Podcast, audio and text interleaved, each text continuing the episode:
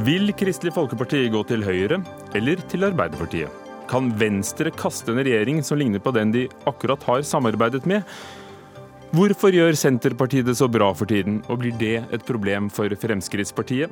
Stortingsvalget i år tegner til å bli fullt av åpne spørsmål, og vi skal ta dem for oss i denne spesialutgaven av Dagsnytt 18. Velkommen. I studio i dag Ugo Fermariello, og vi har med oss to politiske kommentatorer gjennom hele programmet.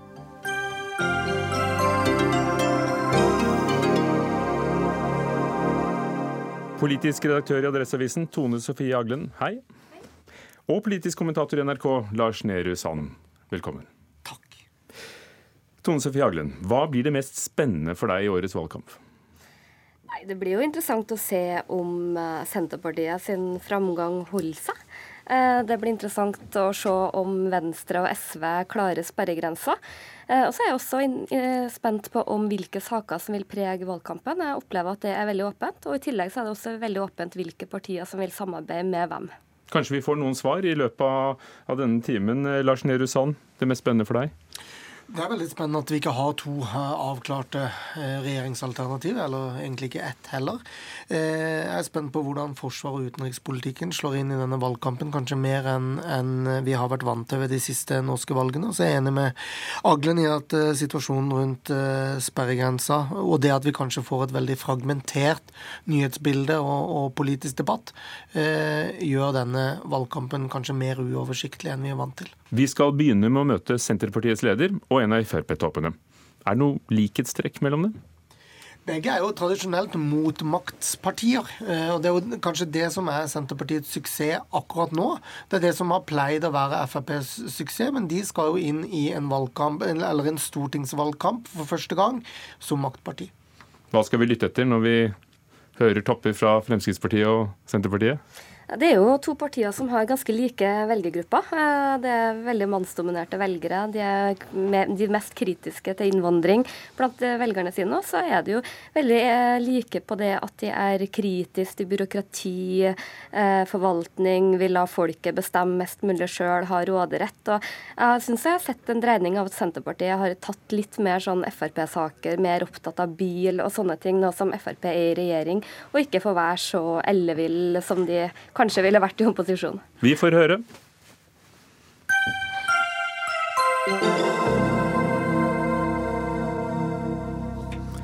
Senterpartiet vil bli større enn Fremskrittspartiet i årets valg.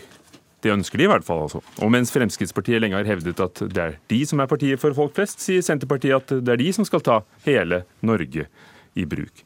Trygve Slagsvold Vedum, leder i Senterpartiet. Med målet om å bli større enn Frp, signaliserer du også hvem som er din politiske hovedmotstander? Vi er opptatt av politikkens eh, innhold. Og det vi har vært tydelige på over tid, er at vi mener at den sentraliseringa som nå skjer, tar Norge i feil retning. Vi har tro på, på nærhet og et samfunn med små forskjeller.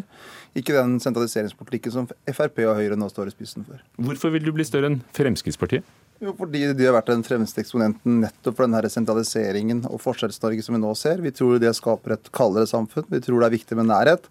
Og den stordriftstenkninga som nå Fremskrittspartiet har gjort seg til talspersoner for, eh, støter spesielt eh, eldre, folk som har ekstra behov, eh, ut av samfunnet. Vi bør heller ha tjenester nært der man bor, og kunne se enkeltindividene. Harald Tom Nesvik, før du får ordet, så la meg introdusere deg, parlamentarisk leder i Fremskrittspartiet. Dere står for sentralisering og et kaldere samfunn. Nei, og Det er jo det som er så trist eh, med at eh, Trygve nå har brukt relativt lang tid til å prøve å skape et bilde som ikke er riktig. Jeg har veldig stor sans for Trygve. Trygve er en eh, flink politiker, og vi har vært kollegaer i flere år. Også for ved sist valg så hadde jo Trygve også et veddemål om hvem som skulle bli det største partiet, og det, kost, det gjorde at jeg tjente meg en flaske vin, så sånn sett så er jo det hyggelig. Men uansett, nei. Vi fører nettopp en politikk som ikke er sentralistisk. Fordi at vi skal i gang med en, en nærpolitireform som skal, som skal skape politi ute der folk bor. Vi har ført en kommunepolitikk og en økonomisk politikk for kommunene som gjør at kommunesektoren nå har bedre ramme enn når Trygve Slagsvold Vedum satt i regjering. Vi har gjort en landbrukspolitikk som gjør faktisk at eh, mens Trygve Slagsvold Vedum satt i regjering, så fikk vi altså 47% færre bønder i dette landet, med heltidsbønder, mens under denne regjeringa så har det økt. Når Trygve Slagsvold Vedum satt i regjering, så la ned akuttmottak på fire sykehus, altså ute der folk bor.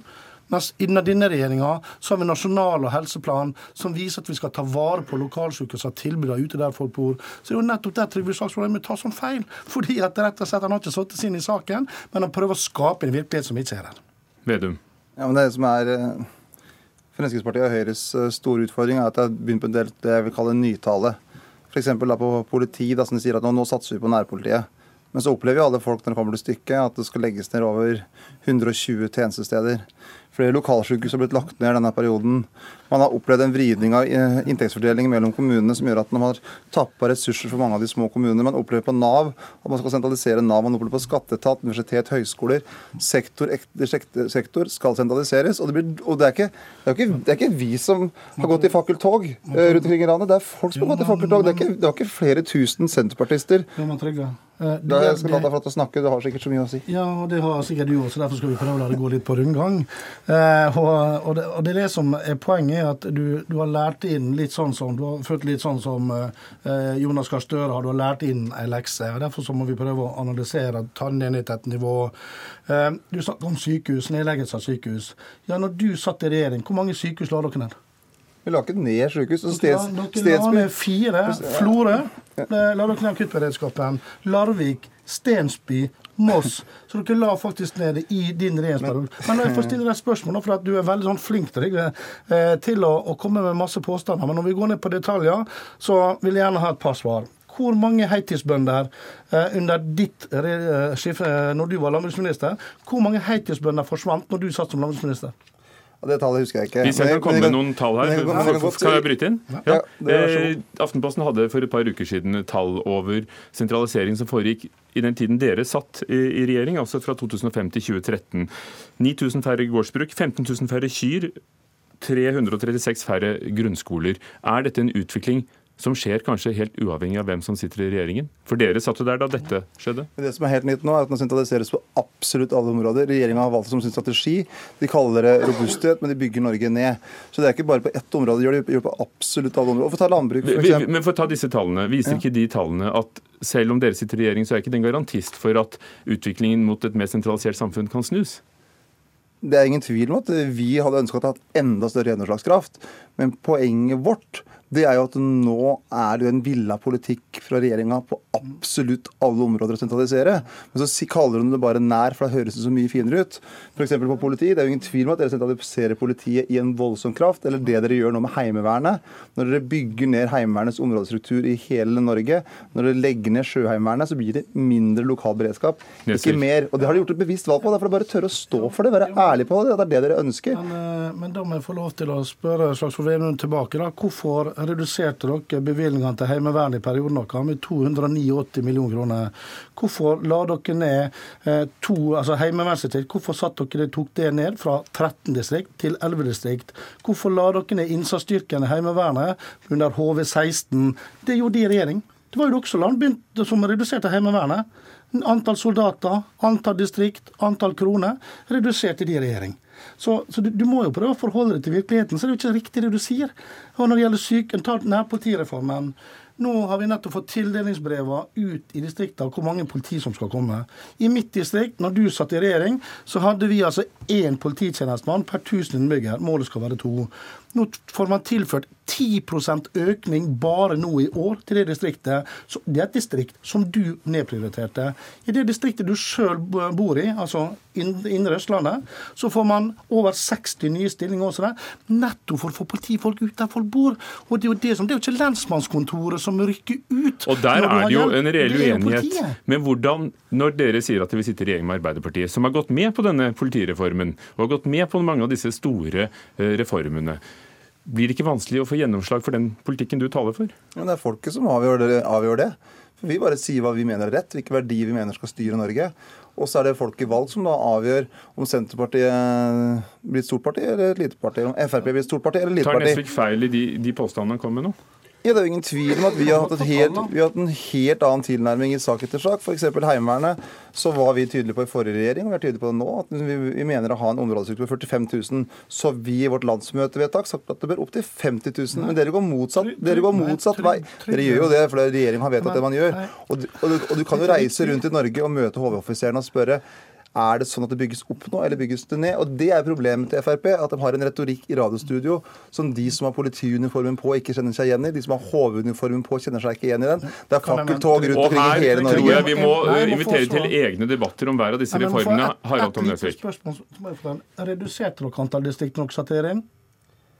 Altså, vi Ja, men svar. Reduserte dere fra 13 til 11?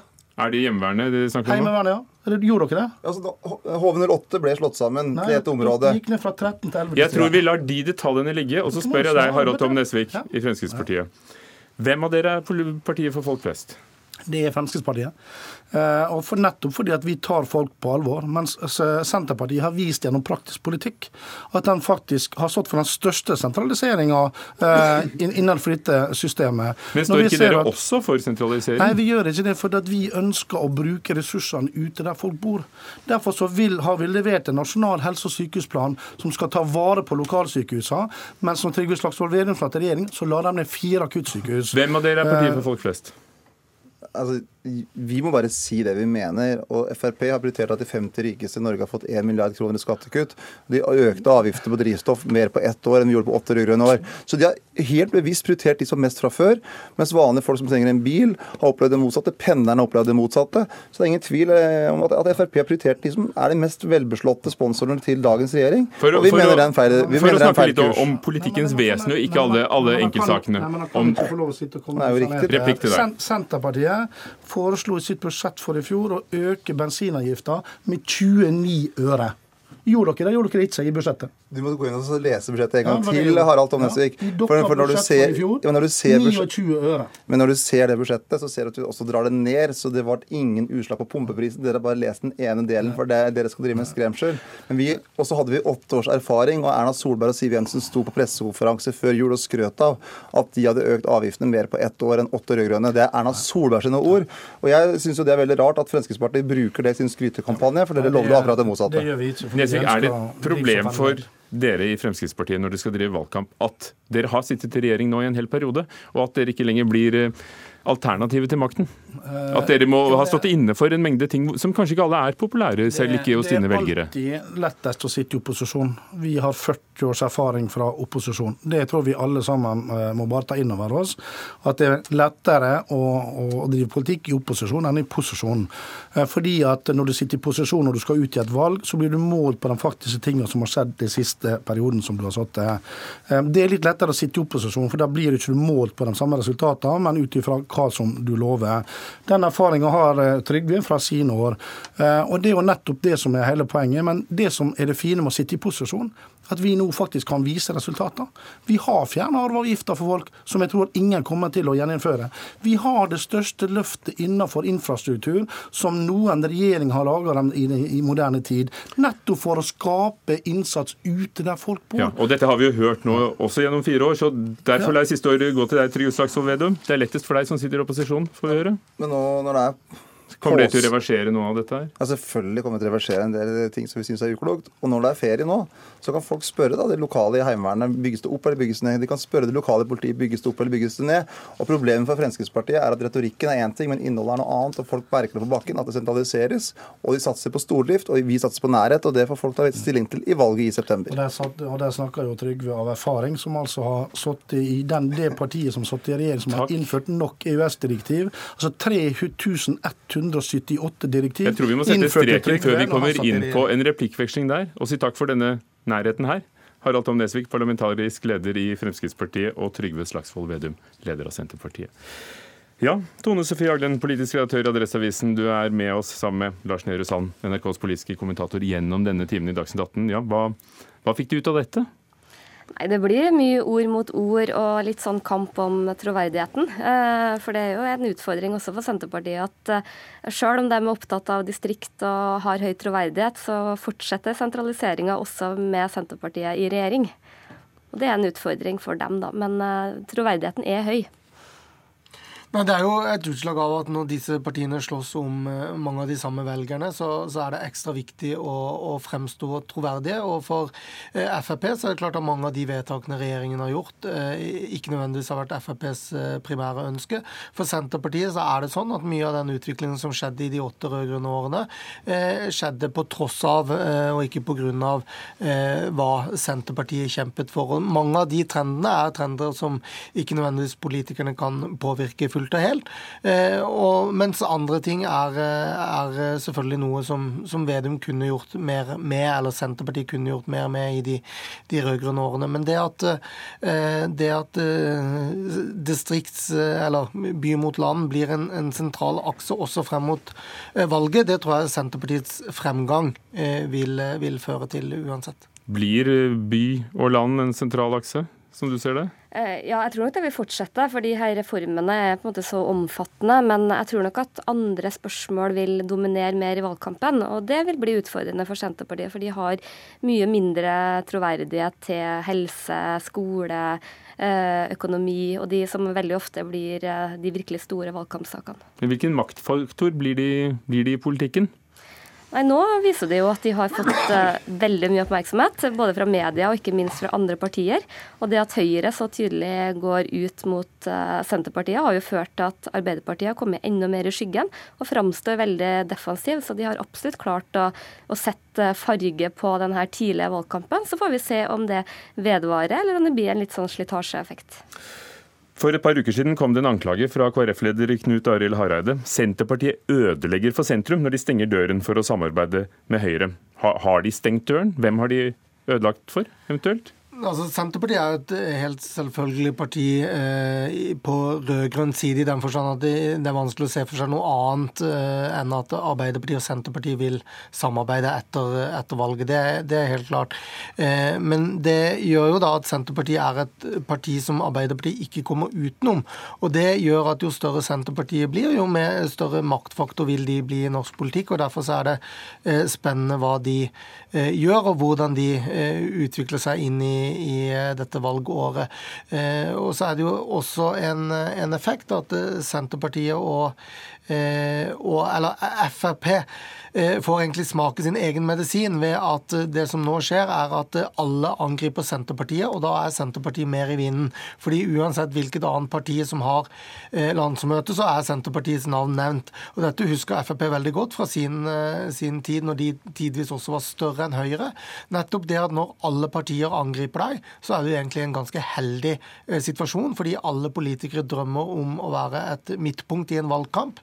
Og det er det som Vedum har opplevd, i hvert fall ved inngangen til dette året.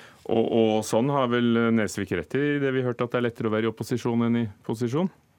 I det er det absolutt. I en valgkamp så er det jo en stor fordel. Og vi ser jo også det med at eierskapet til sakene og sånne ting har en tendens til å forvitre og man mister litt troverdighet gjennom å sitte i regjering. Men vil Senterpartiet, er den døren helt lukket mot Høyre og sentrum KrF? Nei, Senterpartiet har jo bygd hele sin framgang nå på motstand mot regjeringa og regjeringas reformer.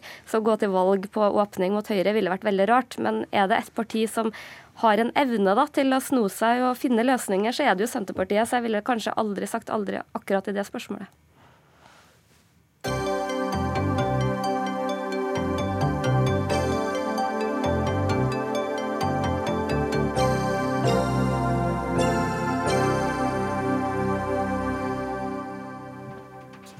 Og da er det jo sånn at eh, Når vi snakker om meningsmålinger, som vi skal gjøre nå i denne spesialutgaven i Dagsnytt 18, så nevner vi igjen Senterpartiet. Fordi det ligger an til å bli den store valgvinneren blant partiene. På noen målinger faller Venstre derimot under sperregrensen, som er på 4 men her må vi være veldig skeptiske. Meningsmålinger har feilet før. Ikke minst uh, ga den store sjanser til hun som ikke vant presidentvalget i USA, og Johannes Berg, forsker ved Institutt for uh, samfunnsforskning. Allerede så florerer det av meningsmålinger og, og prognoser. Kan vi stole på dem?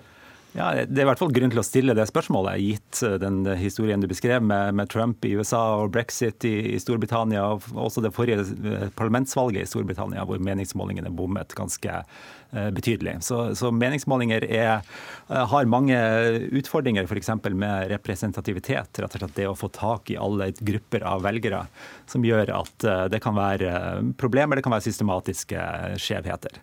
Men hvis jeg skal konkludere, så vil jeg jo likevel si at målinger i det store og hele er til å stole på. Eh, det er, Men de spriker jo ganske mye, og feilmarginen er opp mot 4 mm. Betyr det at uh, en variasjon under 4 behøver vi egentlig ikke ta hensyn til? Eh, ja, det, det er egentlig riktig. Altså, sånn at Når et parti går frem med en halv prosentpoeng på en meningsmåling, så er ikke det noe man bør ta spesielt alvorlig. Det er først når man har sett en endring over lengre tid, eller at det er større, større endringer i mange målinger, at man kan ta en sånn endring seriøst. Så målinger bør tolkes med, med en viss forsiktighet. Da. Du som har forsket på stortingsvalg gjennom tidene. De endringene vi ser nå, er de, er de enestående? Eh, ikke enestående. Altså det at partier sånn som Senterpartiet vokser på målingene, det har man sett tidligere, ikke minst med, med Senterpartiet når man diskuterte EU på 1990-tallet. Så endringer av den typen er ikke, ikke enestående. Men, men eh, hvis man lurer på om, om, man kan stole på den endringen som har skjedd for Senterpartiet ja, Er det en reell medgang for mm, Senterpartiet? Mm, nettopp. Jeg, jeg, vil tro at det er en reell endring, fordi man ser den endringen i såpass mange målinger eh, samtidig. Det er endringer, i hvert fall en del av endringene utenfor eh, feilmarginen. Så, så, det er endringer man, eh, man, kan stole på. For deg som, som forsker, nå skal vi snart spørre journalisten her, men hva er de godt for? Hva tjener meningsmålingene til? Ja, Meningsmålinger vil jeg si er et helt unikt instrument som kan si noe generelt om befolkningen. Eh, altså, Vi kan intervjue 1000 personer eh, og få vite noe om hva hele befolkningen i Norge mener. Det finnes ikke noen andre instrument som kan brukes, eller andre målemetoder som kan brukes for å oppnå eh, det samme. Så, så meningsmålinger både når det gjelder politikk og også andre forhold, er, er veldig nyttige. Lars Nehru Sand, politisk kommentator um, i NRK. Hvordan bruker partiene disse tallene?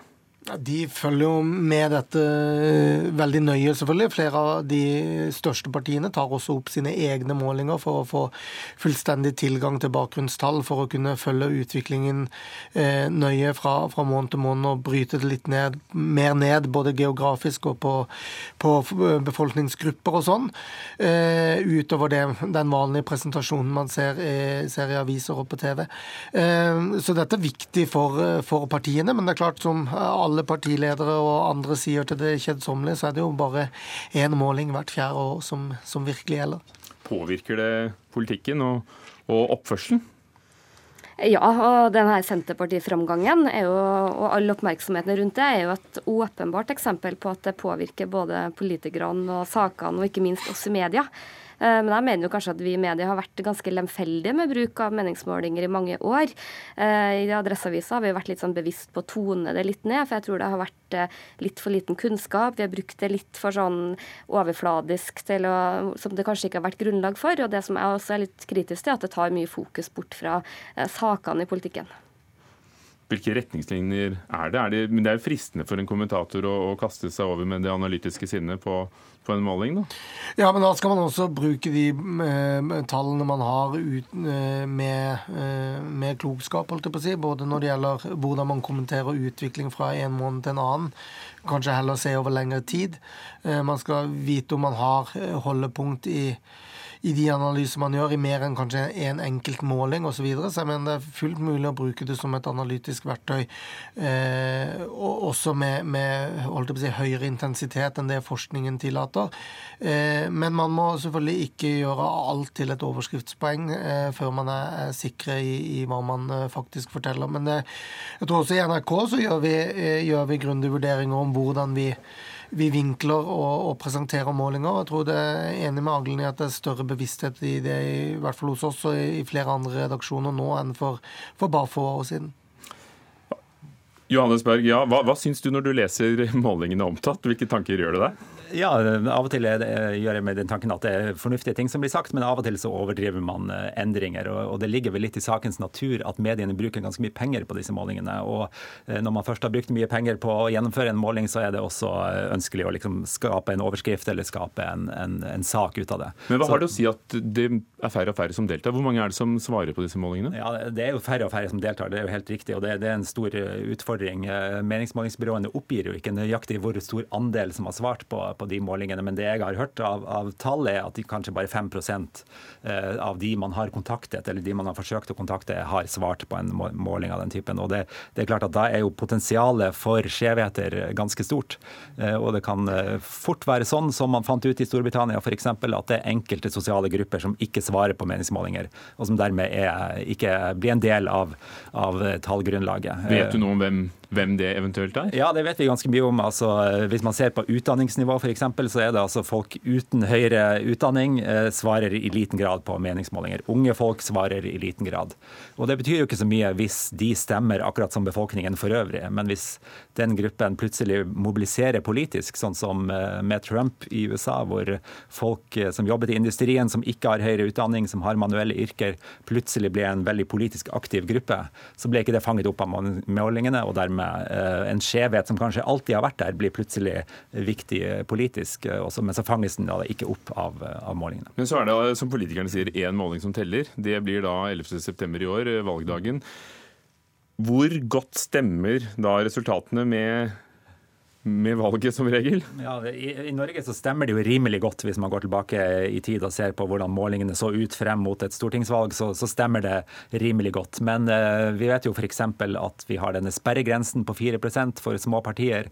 Eh, og vi, hvis no, mange partier ligger rundt 4% så, så vil det ha mye å si om de bikker over eller under for sammensetninga av Stortinget. Så, så, selv om prosentvis så kan hende at målingene treffer brukbart, så kan det likevel eh, ikke treffe når det gjelder sammensetningen av Stortinget. Mm. Vi skal snart treffe stortingsfolk fra både Høyre og Arbeiderpartiet. Hvordan går det med de store partiene, de tradisjonelt store partiene? Eh, generelt sett, eh, ja, hvis man ser rundt i verden, så, så går det jo nedover med sosialdemokratiske partier, f.eks. Eh, eh, og, og de små eh, populistiske alternativene som har dukket opp i mange land, har jo gjort det bra i det siste. Så for små partier så skulle det være bedre utsikter enn på lenge, kan man si. Vi skal møte noen av dem også. Takk skal du ha, Johannes Berg, forsker ved Institutt for samfunnsforskning. Tone Sofie Agden, politisk redaktør i Adresseavisen, og Lars Nehru Sand, politisk kommentator i NRK, blir eh, sittende her og høre på de to neste politikerne. Og gjennom denne spesialutgaven av Dagsnytt 18, hvor vi altså snakker om stortingsvalget som venter oss til høsten.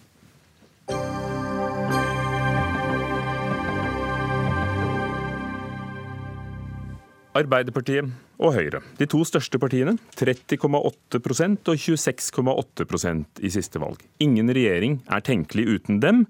Og For å høre hvordan de ser for seg stortingsvalget, har vi valgt oss to politikere som snart skal eh, ta fatt på valgkampen. Tina Bru fra Høyre og Torstein Tvedt Solberg fra Arbeiderpartiet. Velkommen. Takk. Tina Bru, du sitter altså i um, energi- og miljøkomiteen på Stortinget. Eh, hvor står dere nærmest Arbeiderpartiet i politikken? Nei, Det er flere store likheter mellom Høyre og Arbeiderpartiet. Jeg tror den eh, mest tydelige er nok eh, i sikkerhets- og forsvarspolitikken utenrikspolitikken, altså de lange linjene der. Eh, der har det i mange år vært stor enighet mellom Høyre og Arbeiderpartiet. I min komité spesielt så tror jeg vi kanskje vil trekke frem klimasamarbeidet med EU. har vært en sånn type sak som vi har vært veldig enig i. Og selvfølgelig også olje- og gasspolitikken, med noen unntak nå inn i valgkampmodus og landsmøtet til Arbeiderpartiet, men stort sett enig. Torstein Tvedt Solberg, du sitter i finanskomiteen på Stortinget. Der er det kanskje større ulikheter? Både, både og. Vi klarer jo heldigvis å bli enige om de store, viktige sånn bankreguleringer og de store sakene som kommer der. Men jeg hadde skrevet ned det som Tina sa, det jeg tror vi er mest enige med Høyre, er utenriks- og forsvarspolitikken. Der kanskje heldigvis Høyre ikke har eh, dilta etter Frp i regjering, men heldigvis har lagt seg opp på det, det vi er enige om i, i, Stortinget. Men som politiker og en som skal drive valgkamp snart, er det heldig at dere er så enige, at dere blir enige om de store reformene? Om det er innvandringspolitikk, eh, pensjonsreformer, skattepolitikk, eh, nærpolitireform. Er det ikke bedre å markere avstand? Hvordan kan du fremstå som et klart og tydelig sosialistisk alternativ? Det er jo den viktige jobben vår nå inn i valgkampen. Jeg tror du kommer til å se enda mer saker og mer debatter der vi prøver å markere de store, viktige forskjellene. For vi er jo kanskje viktige om noen av de overordna målene, men det er jo virkemidlene vi er uenige om. Så selv om vi i Stortinget er enige f.eks. om skatteforliket, så er vi jo ikke enige om formuesskatten. Fordi vi har det samme målet, kanskje, om at det er viktig å ha god beskatning av bedrifter, men ulike veier for å, for å komme dit. Så jeg tror disse uenighetene og hva vi er uenige om, kommer til å komme enda tydeligere fram nå siden det begynner å nærme seg valg. Jeg, jeg, er enig med Torstein at jeg, altså jeg tror det du er en enig igjen. ja, men, men jeg tror det er, en, det er en styrke for Norge og for eh, det norske demokratiet at man stort sett, eh, selv om man har så mange partier i Norge, er ganske enige om mange av de viktigste tingene. Det er bra. Eh, Men selvfølgelig i en valgkamp så må man jo fremheve forskjellene, og det er jo nok å ta av, for å si det sånn, selv om man er enig om de lange linjene, sånn som Torstein er inne på.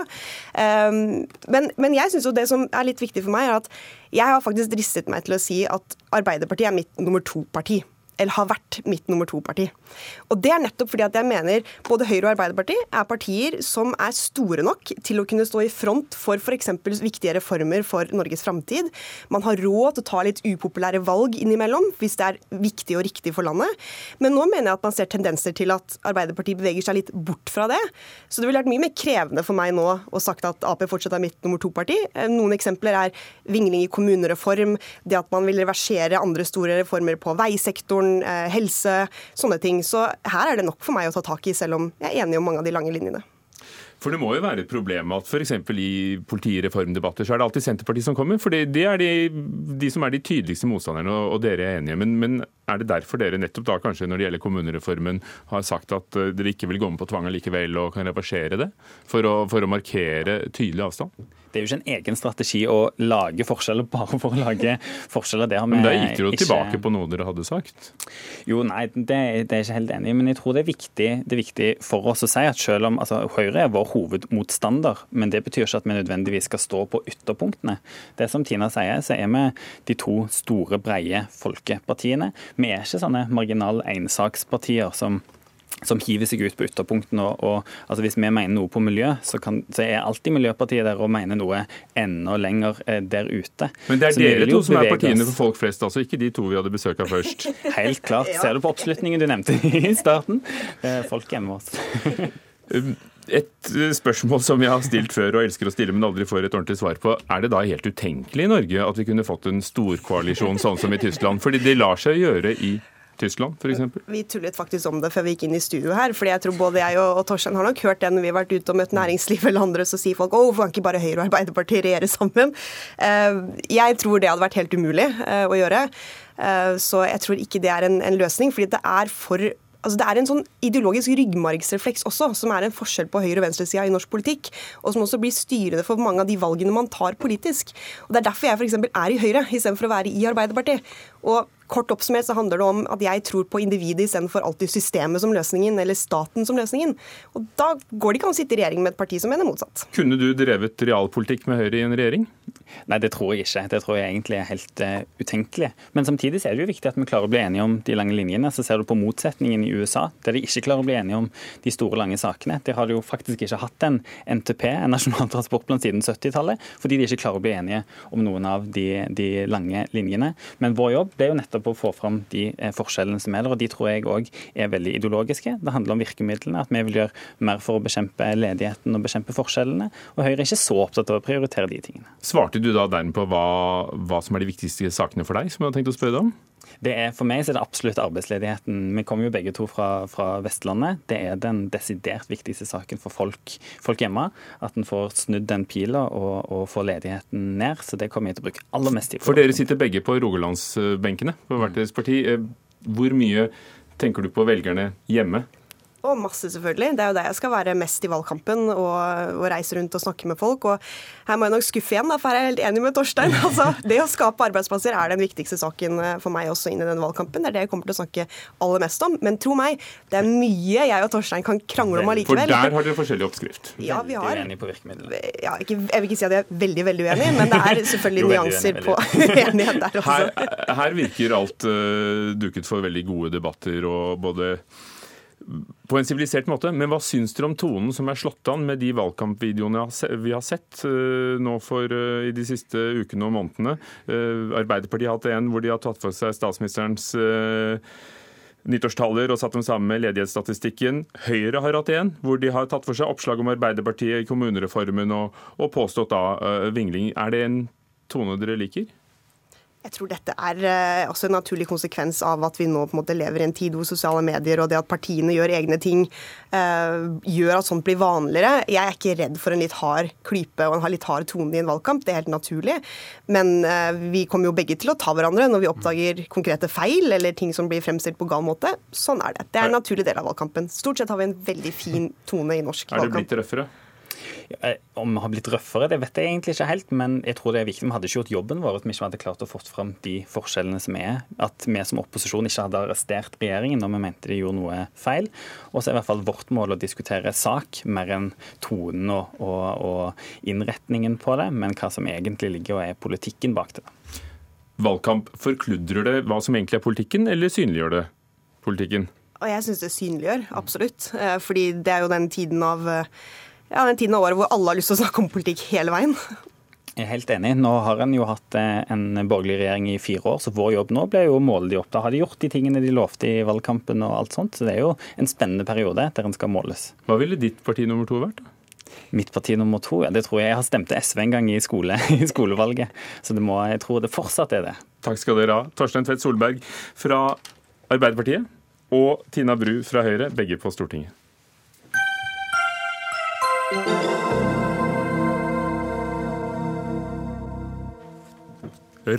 Demokratene i Norge, Det liberale folkeparti, Kystpartiet, Liberalistene. Hvert år er det langt flere partier enn dem som havner på Stortinget som stiller på valg, og som vi kan finne på listene. 22 partier var det sist gang, åtte havnet på Stortinget. Og så vil det kanskje være representanter for et nytt parti i år. Helsepartiet. Lise Askvik, velkommen. Tusen takk. Du er leder av det nystiftede Helsepartiet. For mange er du kjent som radiostemme fra morgensendingene på P4. Og du ble kjent da du frontet kampanjen for kvinners rett til å få rekonstruert brystene. Mm. Hva var det i det arbeidet som gjorde at du etter utallige oppfordringer sa ja til å si opp jobben og starte et politisk parti? Da jeg fikk kreft og oppdaget at rekonstruksjonspasientene ble tatt ut av køen fordi Helse eh, Sør-Øst skulle spare penger, så oppdaget jeg at det var en pasientgruppe som blei veldig dårlig behandlet. Og jeg trodde jeg hadde funnet et hull i verdens beste helsevesen, og at min pasientgruppe var den uheldig rammede. Og så begynte jeg å sette meg inn i saken og fikk vanvittig mange henvendelser fra andre pasientgrupper. Og det viste seg at vi var ikke de eneste. Det er veldig mange andre pasientgrupper som blir hardt rammet av et uh, veldig økonomifokusert og sparefokusert helsesystem. Og det fikk meg til å begynne å sette meg inn i både smått og stort. Og jeg ser jo i veldig mange avgjørelser så er det økonomi og sparing som har avgjort hvilket helsetilbud befolkningen får. Og det går utover pasienter, det går utover helseansatte. Og det er ikke derfor vi har en helsesektor, for å spare penger. Vi har det for å hjelpe folk til best mulig helse. Så derfor blir jeg motivert til å ta kampen. Hvor mange har dere fått med dere nå? Du, Vi har nå bygd 18 eh, av 19 fylkeslag. Jeg tror at vi skal registrere det 19. fylkeslaget i løpet av dagen i dag. Da stiller vi i så fall lister i 19 fylkeslag. Dette har vi bygd siden årsmøtet den 8. i annen. Så vi har masse leger, sykepleiere, eh, helsesøstre, sosionomer, fysioterapeuter, pasienter og pårørende med oss. Så dette har tatt fyr i fatan. Som tydeligvis alle er enige om helsepolitikken. Men hvordan i all verden skal du forene dem? For dere skal i gang i vår, våres med et stortingsprogram. Ja. Om alle de andre tingene, altså om det er forsvarspolitikk, innvandringspolitikk, skatt? Mm, vi har allerede et prinsipprogram som inkluderer en god del andre politiske områder. Men det er selvfølgelig mye som gjenstår for et nyfødt parti. Jeg skal ikke si at vi har en ferdig ideologi utarbeidet ennå. Så dette arbeidet er allerede i gang. Hvor hva vi skal få med i løpet av et eh, stortingsprogram, det må vi bare jobbe oss fram med. Og nå er fylkeslagene i gang. Eh, og det er vanskelig for meg å si akkurat hvor vi ender opp, men helse er gjennomgående. Hvor mye vil dere gå inn i de forskjellige områdene, eller vil dere satse på å være et parti for én sak som får en stemme der? Ja, altså Helse er helt klart det vi føler haster mest, fordi helse ligger i grunnen for alle andre sektorer. Hvis du ikke har liv og helse, så trenger du verken ny kommunehus, du trenger ikke fylkesveier, du trenger ikke skole. Liv og helse er helt grunnleggende, men helse strekker seg inn i alle andre områder. Så Derfor er det ikke noe vanskelig for oss å utlede ny skolepolitikk, f.eks. Ny eh, kriminalpolitikk. Helse, til og med skattepolitikken griper inn i helse. Så disse sektorene er ikke vanskelig å samstille så lenge vi har en lojalitet festet i befolkningens behov. Og det er der vi er helt eh, tydelige. Alltid befolkningens behov som skal styre vår politikk. Og Da det ble kjent at dere startet parti, så sa helseminister Høie at dere trengs ikke, fordi helsepolitikk det er noe som gjennomsyrer alle andre eh, politikkområder, som du var inne på selv. Mm. Og at vi trenger ikke et parti som går inn for å mm, bare ta for seg der hvor man reparerer syke kropper. Er det, det er hvor, hvor, Hvordan vil dere påvirke Vet du hva, bare det å, blitt, det å ha startet et nytt helseparti, det er med på å starte en debatt. fordi at eh, Arbeiderpartisiden ønsker ikke å snakke så veldig mye helsepolitikk. For at de har stort ansvar uh, over det som har blitt dagens systemer, som fungerer i mange ledd, men som ikke fungerer i for mange ledd. Så det, Arbeiderpartisiden har ikke noen stor interesse av å løfte fram helsepolitikken. Så har du en høyreside som gikk til valg på å forandre en god del ting ved helsepolitikken, men som ikke har klart det etter fullgod regjeringsperiode. Disse to store blokkene i norsk politikk er begge samstemte om at helsepolitikk skal vi ikke snakke så fryktelig mye om.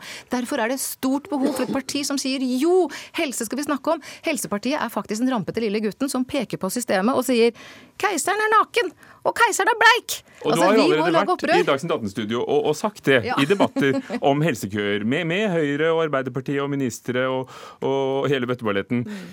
Er det sånn du vil bruke makten, ved å være stor i kjeften? Fordi det er jo ikke kjøttvekta som kan telle eh, for et parti som er helt nytt, vil jeg tro. Nei, Vi er jo et babyparti, vi er jo helt nyfødte. Men altså, når vi har vokst så mye som vi har gjort nå, i løpet av bare noen uker, så er det 500 mennesker som har meldt seg inn uten at vi har starta noen kampanjer. Og vi har fått starta fylkeslag i 19 fylker, så vi vet at dette her eh, gir veldig gjenklang både hos helsefolk, hos pasienter, hos pårørende. Befolkningen som ikke har fått det de trenger av helsetjenester. Så jeg tror Unnskyld? Er utad, ja. ja. Men hvordan skal du få makt innad i politikken. Hvordan håper du å få brukt makten din? Ja, Først og fremst for å tvinge de andre til debatt. Det er det aller viktigste nå. Og i valgkampen, altså Et lite nyfødt parti kommer vel kanskje ikke inn på Stortinget, men vi kan i hvert fall være med og aspirere til en debatt som trengs. En debatt som må synes, og en debatt som bør ta for seg at vi har systemer som ikke har befolkningens helse eh, som mål. Og i hvert fall ikke når vi har Europas lengste helsekøer. Vi har den største andelen uføretrygdede. Det fungerer ikke. Og vi har penger. Vi har en bitte liten befolkning og en tjukk lommebok, men vi bruker den ikke til helse. Vi har sett systematisk sparing Jeg sa ikke sant fordi nå snakker du saken, ikke fordi eh, det var sant eller ikke sant. Men, men um, hvis du havner på Stortinget, da? Og fri å bevare meg. Ja, Hvis jeg må sone fire du... år bak Stortingets murer for Helsepartiet, så skal jeg da ofre meg for saken. Men tro meg, eh, jeg tror det fins bedre folk, og folk som har mer lyst til det enn meg. Men hvis jeg kommer inn, så skal jeg gjøre en best mulig jobb, og jeg skal være tydelig og standhaftig på at helse, det skal eh, prioriteres. Takk. Lise Askvik, leder av det nystiftede Helsepartiet. Ja, Tone Sofie Aglen, politisk redaktør i Adresseavisen, og Lars Nehru Sand, politisk kommentator her i NRK. Dere er med oss gjennom hele denne timen av Dagsnytt 18. Hvilket signal sender Lise Askvik og Helsepartiet til de andre og de større partiene? Nei, Det er jo det signalet at de eh, ikke gjør en god nok jobb innenfor helse. Og jeg tror nok at de etablerte partiene har veldig lyst til å ha det saksområdet for seg sjøl, og liker ikke å få noen inntrengere. Så tror jeg nok eh, dessverre at selv om veldig mange velgere er opptatt av helse, det er en veldig viktig sak, så tror jeg det er veldig tungt for et uh, helt nytt parti, selv om man har en karismatisk uh, leder og frontfigur, så tror jeg det krever ganske mye å bygge seg opp. Og det ser vi jo med Miljøpartiet De Grønne. De har jo holdt på i mange, mange år før de i det hele tatt kom inn på Stortinget. Og de er jo også langt unna sperregrensa. Hva gjør ensakspartier med politikken? Eller som i hvert fall begynner som ensakspartier? Det, det, det, de nok først og fremst gjør, eh, som Askvik også er inne på selv, det er å, å eh, få en sak på dagsorden. Jeg tror miljøpolitikken ble viktigere av at MDG stilte til valg. Eh, men det ble også lettere for MDG å få til det gjennombruddet de fikk for da snart fire år siden, ved at miljøet ble viktigere. Så det går litt sånn høna og egget. Men, og jeg tror nok at Askvik vil lykkes med å, å fremprovosere en helsedebatt ved å stille til valg. Så kan man si at hvis det er funksjonen din, at du vil inn i det offentlige ordskiftet, så kunne du også stifta en, en, organisasjon eller en, en, stiftelse som ikke nødvendigvis hadde et partipolitisk mandat og stilte til valg, men fortsatt da kunne ha denne debattfunksjonen. For det er klart, det vi ser med, med andre partier eh, som har stilt liste, er jo at det er krevende både å komme inn på Stortinget og, som, som Angelen er inne på, å, holde seg eh, varm som partiorganisasjon eh, over et valg. Kystpartiet slet med det. Vi vet Sist så starta det også lokalbaserte lister med, med sykehusaksjon i Alta. Nå er det på gang opp mot høstens valg en nordmørsliste, eh, fordi Kristiansund eh, mener at resten av fylket ikke ser nok til, eh, til Nordmøre. Og det å komme inn på Stortinget for de vil jo være en hverdag hvor de må sitte i kontroll- og konstitusjonskomiteen, hvor de bør sitte i finanskomiteen. Eh, men MDG har fått unntak for det og sitter kun i miljøkomiteen, ikke i finanskomiteen. Men avgir likevel et helhetlig eh, alternativt statsbudsjett hvert år. Det er veldig mye de må gjøre som ikke handler om å bare jobbe med helsepolitikk, som for Nordmørslista ikke bare vil handle om Møre og Romsdal. Og det blir krevende for sånne små partier. Seks av ti sier i Helsebarometeret fra TNS Gallup at helsepolitikk er viktig for dem. Kan de håpe å få nok av dem til å komme inn på, på Stortinget? Problemet er vel kanskje at helse er litt sånn uh, vanskelig å definere. Jeg tror nok sånne protestpartier er enklere på sånn type sånn ja og nei, uh, sånn klare alternativer. Og det er jo litt sånn utfordringa med helse. Det handler mye om troverdighet. Jeg tror du kan lykkes på å få mye debatt og kanskje terge de etablerte partiene litt. Men uh, å etablere et parti og komme inn, det tror jeg blir krevende. Takk skal dere ha igjen. Vi går videre her i Dagsnytt 18.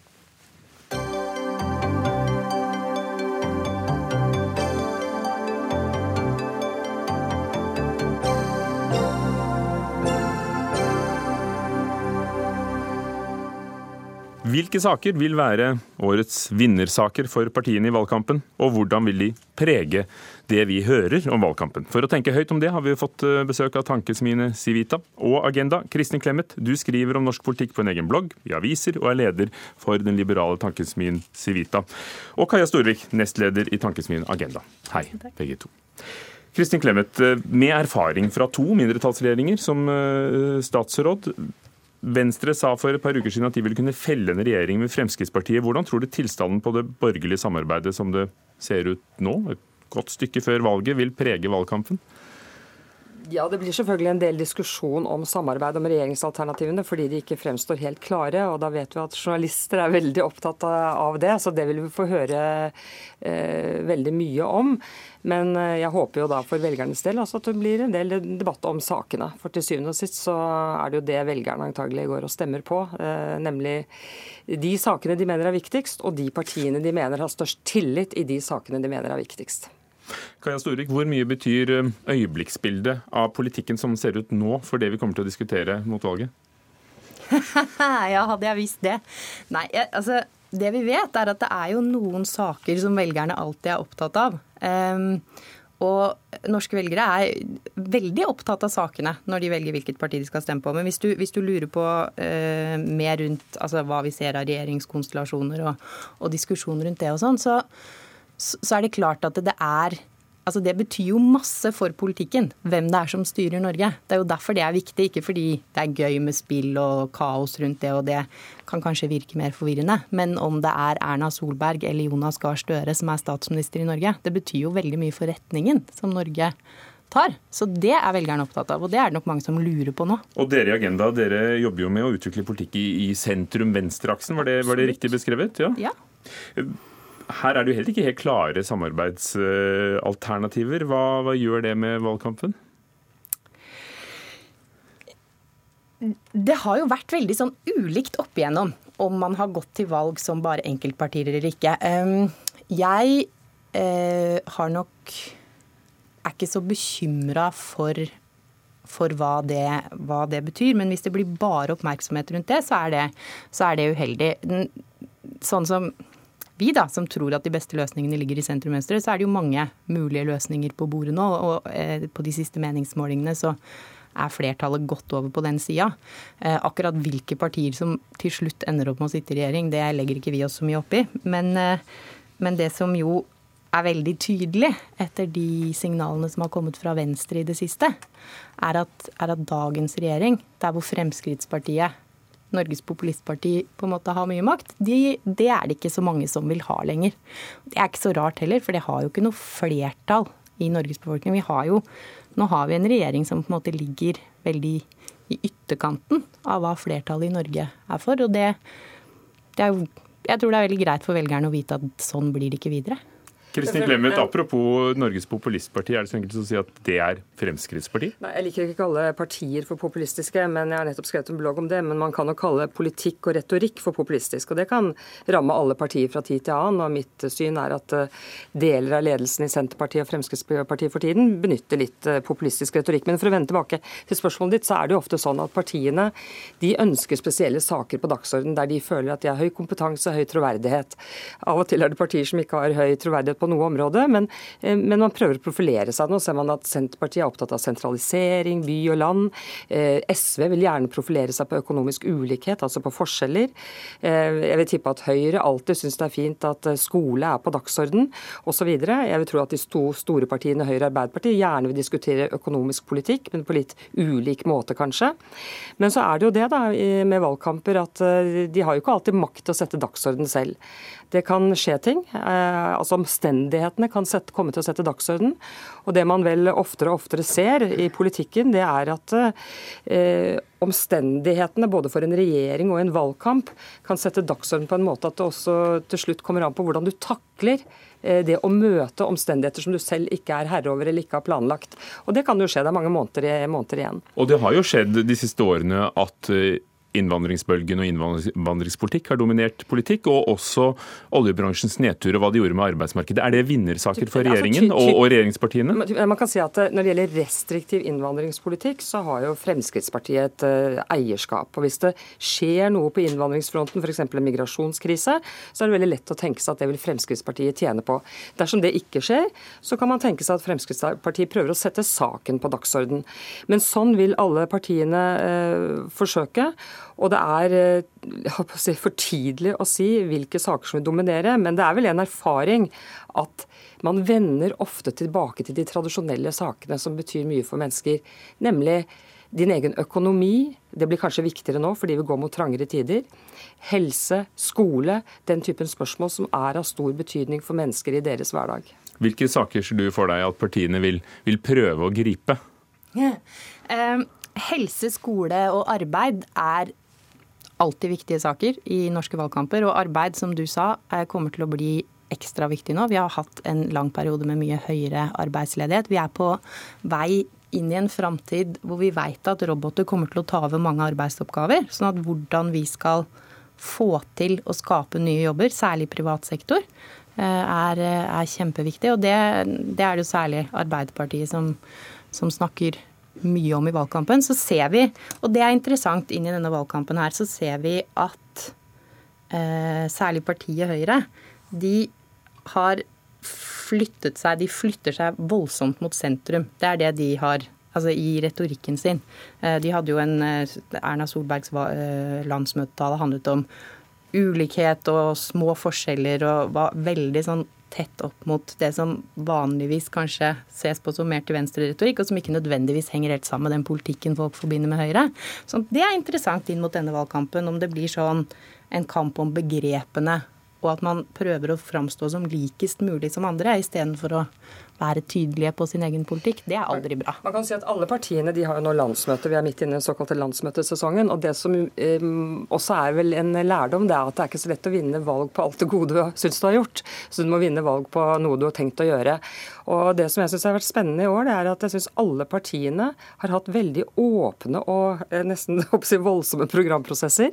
Hvor det er invitert mange inn. Veldig mye diskusjon, bl.a. her i NRK, innad i partiene osv. Eh, skikkelig politiske verksteder og så vedtar de programmene sine, slik Senterpartiet gjorde sist og Høyre gjorde før der, og osv. Og, så og så blir det også en plattform for å fremme ny politikk. Og her kommer det andre ting inn også, fordi Stortingssesjonen er jo ikke over. Eh, regjeringen fremmer, fremmet en rekke meldinger rett før påske bl.a. en perspektivmelding som kan bidra til å sette dagsorden for, for, debattene fremover. Så eh, jeg syns fortsatt det er eh, spennende å se hvilke saker som kommer til å dominere, og hvem som til slutt kommer til å samarbeide, er det ikke sikkert vi får vite før etter at valget er over, fordi det er så mange partier som står i fare for å falle over eller komme, nei, falle under eller komme over sperregrensen. Et spennende år, altså? Det kan bli et spennende. Det er noen som har sagt at kanskje ikke valgkampen blir så spennende, men at valgutfallet blir veldig spennende. Og det blir spennende å se hva slags regjering vi får etterpå. Men, eh, men det er noe som er veldig spennende nå, syns jeg. Det er at vi forlater på en måte en gullalder i norsk økonomi. En gullalder for offentlig sektor. Og vi skal inn i en periode med trangere tider, hvor nøkternheten må prege politikken i større grad enn før, og hvor eh, verdiskapingen og næringslivets betydning tror jeg igjen kommer tilbake. og Det kan godt hende også økonomiske spørsmål eh, for folk flest blir viktigere. Det ser man ofte i tider når det blir litt trangere. Og Hvor er det de virkelige forskjellene i politikken ligger der? Hvor er det vi virkelig ville merket retningsvalg? Vi, ser, altså, vi, har jobbet veldig mye med økonomisk ulikhet eh, i Agenda. og Det er et sånt område hvor det er mark et markant skille mellom høyresiden på den ene siden og venstresiden på den andre siden. Altså småpartiene i midten plasserer seg litt sånn hver side. og Det, det har stor betydning eh, også for arbeidsmarkedet, fordi vi vet at de som er dårligere stilt økonomisk, tradisjonelt sett får dårligere utdanning, eh, ikke bidrar til verdiskapning på samme måte og ikke har muligheter til det. Så jeg tror at det kommer til å ha noe å si.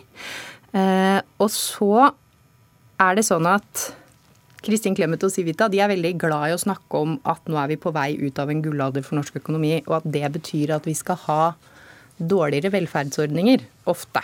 Ganske ofte så argumenteres det på noe vis for det. Eh, men, men det, er jo, det er jo ikke sånn at det er gitt at det er den riktige veien å gå. Nå er vi på vei inn i en tid hvor vi vet at kompetanseutvikling er noe som folk må drive med hele tida resten av sitt liv. Og da er det klart at det å ikke satse på godt utvikla fellesskapsløsninger. Det er ikke lurt, f.eks. Er det her de ordentlige uenighetene ligger? Kristin Clemet? Det, det, det, jeg vil svare på spørsmålet ditt. Hva er viktige skiller her? Og Det er klart at det er fortsatt et det er det i all politikk, et høyre-venstre-skille. F.eks. mellom offentlig, privat osv. Men et nytt, ny skillelinje som kommer for fullt nå, eh, det er jo Man kan snakke om by, land osv., men det er mer det man eh, internasjonalt snakker om åpen, lukket. Altså, det er jo en, eh, enten man liker å kalle det ikke, en slags sånn nasjonalistisk bølge eller vind som feier over Europa, hvor man blir mindre opptatt av europeisk og internasjonal integrasjon, mer skeptisk til globalisering, til handel, altså at man skal være mer, ha mer nasjonale løsninger. Og her vil man se nye politiske skillelinjer også i vårt land, selv om de ikke er så utrerte i Norge som de er i mange andre land. Tone Sofie Aglen, jeg kobler inn våre politiske kommentatorer her. Vil vi, vi, vi, nevnte ikke det selv ikke da vi hadde besøk av Fremskrittspartiet og Senterpartiet her, men, men motstanden mot EØS og, og ønsket blant flere innen Fremskrittspartiet og offisielt fra, fra Senterpartiet og, øh, om å reforhandle EØS-avtalen eller ville ut av den. Blir det et nytt skillelinje, som, som Clemet antyder? Åpen-lukket? Eh, ja, og den henger jo ganske mye sammen med den der by-land-skillelinja, så det er vel kanskje den som er aktivisert i dag. Så får vi nå se om den utvikler seg. Jeg tror kanskje det, for utenrikspolitikken blir nok sannsynligvis viktigere og det som skjer i Europa. Ja, Proteksjonisme er jo noe som har, har vært sentralt i mange andre valgkamper. og Det kan godt være vi på noen områder vil, vil, se det også i Norge. Også i Norge så er det eh, strømninger eh, som vil påberope seg at de har tapt på den globaliseringen, eh, enten det er i form av lavere lønninger, dårligere pensjoner eller, eller andre ting. og Derfor så, så er det interessant at, at, det også på blå side for å si det sånn, er, er en EØS-debatt, selv om det ikke nødvendigvis trenger å, å ende i et landsmøteflertall hos, eh, hos Frp så er det også der eh, stemmer som, som, ser at globaliseringen, eller at den medaljen har, har en bakside for noen. Eh, så er det selvfølgelig en selv, selvstendig debatt. Lars Nehru Sand, hvis Arbeiderpartiet og, og, Senterpartiet skulle havne i regjering, ville det vært opplagt at det er da Støre som skulle vært vår neste statsminister?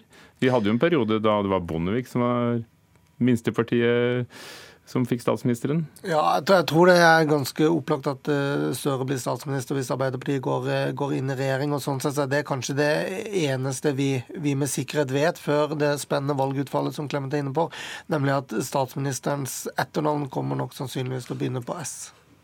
S, ja. Men hvem det blir, ja, Det er veldig vanskelig å spå. Det er veldig åpent. Jeg tror det handler mye om eh, det her sperregrensa. Om Venstre kommer over eller ikke, tror jeg vil ha veldig mye å si. Og selvfølgelig også om SV skulle være så heldig å, å bekke under. Eh, samtidig så er jo Venstre i en veldig spesiell situasjon om dagen. De spiller litt farlig. De har jo brent seg før på å fri til Arbeiderpartiet, men de har på en måte et nesten like komplisert forhold til Frp. Og nå prøver de seg jo på å ville samarbeide med KrF eh, og Høyre alene. Og det, det er, jeg er veldig spent på er hvor eh, opptatt Frp er av å være i regjering, eller om det kan være aktuelt for Frp å være et støtteparti. Det er spennende tider for dere som kommentatorer og politisk redaktør. Definitivt. Er det de sakene som de bør være opptatt av, som vil dominere, tror du, Kristin Clemet? Eh, faktisk vil jeg si at jeg syns det virker mer som det er sannsynlig nå enn i mange andre tidligere valgkamper. At det er veldig mange viktige saker på dagsordenen. Det ble nevnt også her utenrikspolitikk, kanskje forsvar, sikkerhet. Når var det det sist? Så hvis det kommer på dagsordenen, så vil jeg jo si at det, at det er eh, virkelig eh, Og så blir det selvfølgelig, vi har kanskje ikke snakket så mye om det, men, men, det blir nok også veldig stor oppmerksomhet omkring Støre versus Solberg. Altså hvilket inntrykk de gir av kompetanse, tillit osv. Og, så videre, og styringsevne. Det tror jeg også blir veldig viktig i valgkampen. Kaja Storvik, er personene like viktige som politikken? For velgerne i Norge så er de jo ikke det, men det er klart at det har betydning. Takk skal dere ha, alle sammen. Kaja Storvik fra Tankesmia Agenda, Kristin Clemet som leder Tankesmien Civita, Tone Sofie Aglen, politisk redaktør i Adresseavisen, og Lars Nehru Sand, politisk kommentator her i NRK. Du har altså hørt en spesialutgave av Dagsnytt 18 om en mandag i september, nemlig valgdagen for Stortinget. Og for ordens skyld nevner vi at eh, dagens sending ikke er direkte. Fredrik Lauritzen har vært ansvarlig for sendingen, Finn Lie teknisk ansvarlig, og programleder Ugo Fermarello. Takk for i dag.